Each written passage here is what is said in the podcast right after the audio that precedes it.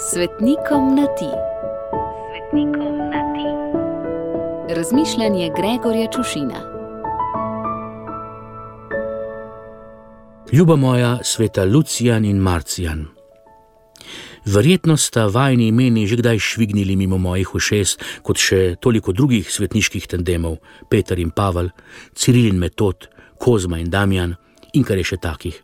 Verjetno, pravim, a premalo, da bi si vajo zapomnil in se hkrati opravičujem, ker mi tvoje ime, ljubi moj sveti Marcijan, neprestano vleče na marcipan.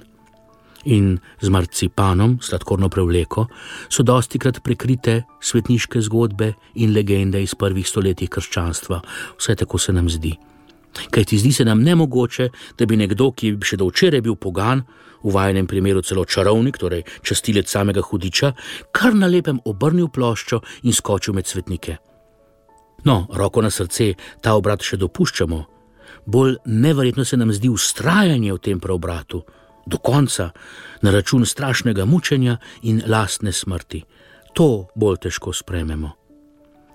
Vidva, ljuba moja sveta Lucijan in Marcijan, sta svojimi čarovnijami hotela omrežiti, tako piše, krščansko devico, da bi se vam oddala, a zaradi njene neomajne ustrajnosti v čistosti se je končalo tako, da vajo je omrežil Kristus, kateremu sta poslej služila do, kot sem že omenil, krvave in mučeniške smrti.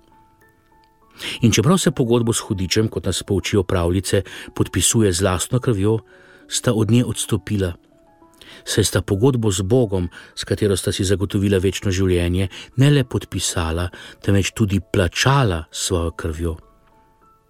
A to sta lahko storila le zato, ker nas je Božji sin odkupil za ceno svoje krvi in življenja. In so tako vse preostale pogodbe, posebej pa še tiste s hudičem, postale nične in neveljavne. Kadar vas bo torej hudič hotel premamiti s klicevanjem na drobni tisk k podpisu aneksa, mu je treba le pokazati križ, ki nosi notarsko overovljen pečat Božji ljubezni in bo zbežal ljuba moja sveta Lucijan in Marcijan, obilo žegna v vajnem godu, pa nam ga podsukranega ali ne v obilni meri vrnita in izlita na nas. Gregor.